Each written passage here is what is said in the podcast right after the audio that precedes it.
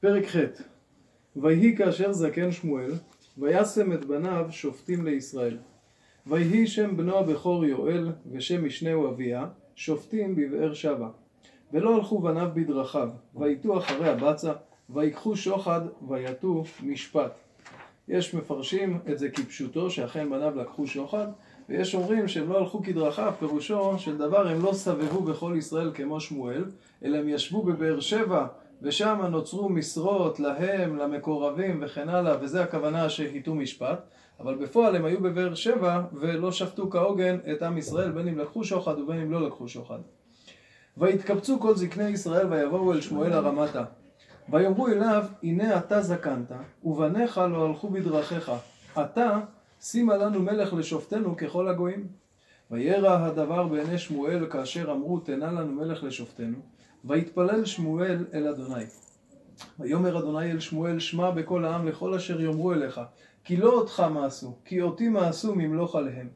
ככל המעשים אשר עשו מיום העלותי אותם ממצרים ועד היום הזה, ויעזבוני, ויעבדו אלוהים אחרים, כן המה עושים גם לך. ועתה שמע בקולם, אך כי העד תעיד בהם, והגדת להם משפט המלך אשר ימלוך עליהם. כלומר, אם הם רוצים, למרות שהבקשה לא רצויה, שמע בקולם, אבל לפני זה, תאמר להם את משפט המלך, שיחליטו האם זה עדיין רצוי ביניהם. ויאמר שמואל את כל דברי אדוני אל העם השואלים מאיתו מלך. ויאמר זה יהיה משפט המלך אשר ימלוך עליכם. את בניכם ייקח ושם לו במרכבתו ובפרשיו ורצו לפני מרכבתו. ולשום לו שרי אלפים ושרי חמישים ולחרוש חרישו ולקצור קצירו ולעשות כלי מלחמתו וכלי רכבו. ואת בנותיכם ייקח לרקחות ולטבחות ולעופות. ואת שדותיכם ואת כרמיכם וזיתיכם הטובים ייקח ונתן לעבדיו. וזריכם וכרמיכם יעשור ונתן לסריסה ולעבדיו.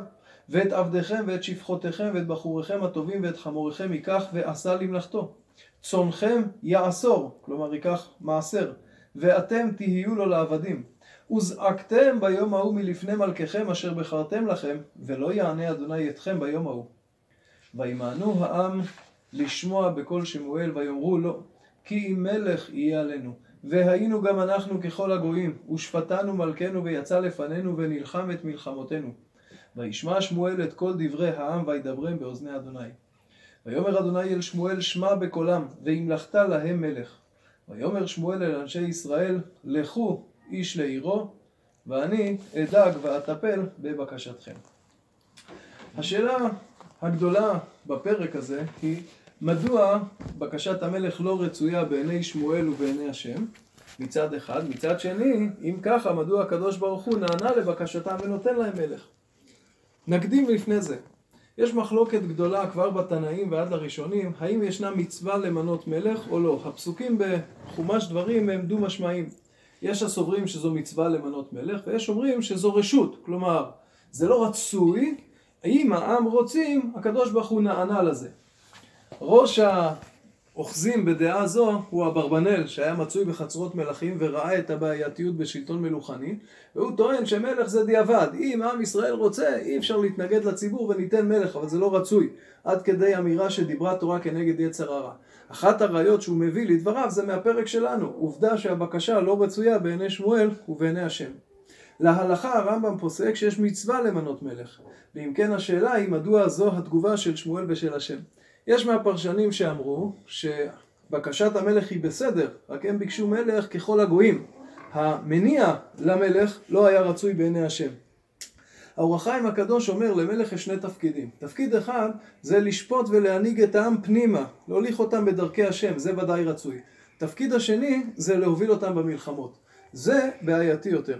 פה צריך לפתוח בהשם. כשבאו לבקש מלך מגדעון בספר שופטים מגדעון שימלוך עליהם, אמר להם גדעון, השם ימלוך עליכם. אני חושב שהנקודה הזאת היא הנקודה שהפריעה לשמואל. שמואל בפרק הקודם הראה לעם שאם עושים תשובה ואם הולכים אחרי השם, אז גוברים על הפלישתים. הוא פתר את הבעיה הפלישתית. רק זו הייתה תביעה גבוהה מהעם. כדי באמת להתמודד עם האויבים אתה צריך להיות במדרגה רוחנית מאוד גבוהה.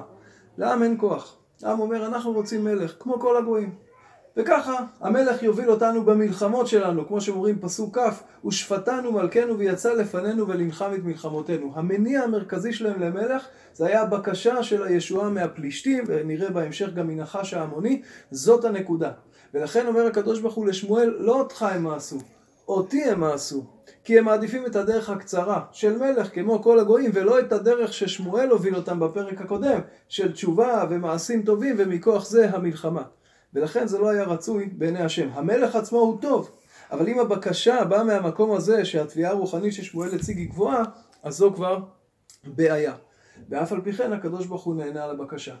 כי זה חלק מתהליך ההתבגרות של העם. העם כבר היה בספר שופטים במצב השבטי, הוא לא רוצה לחזור לשם, הוא מרגיש בשל להנהגה גדולה, להנהגה מרכזית. המניע עדיין לא שלם, אבל מצד שני העם רוצה, הם יקבלו מלך, ולאט לאט ילכו ויבשילו עד שיגיעו למקום הזה מהמקום הראוי והנכון.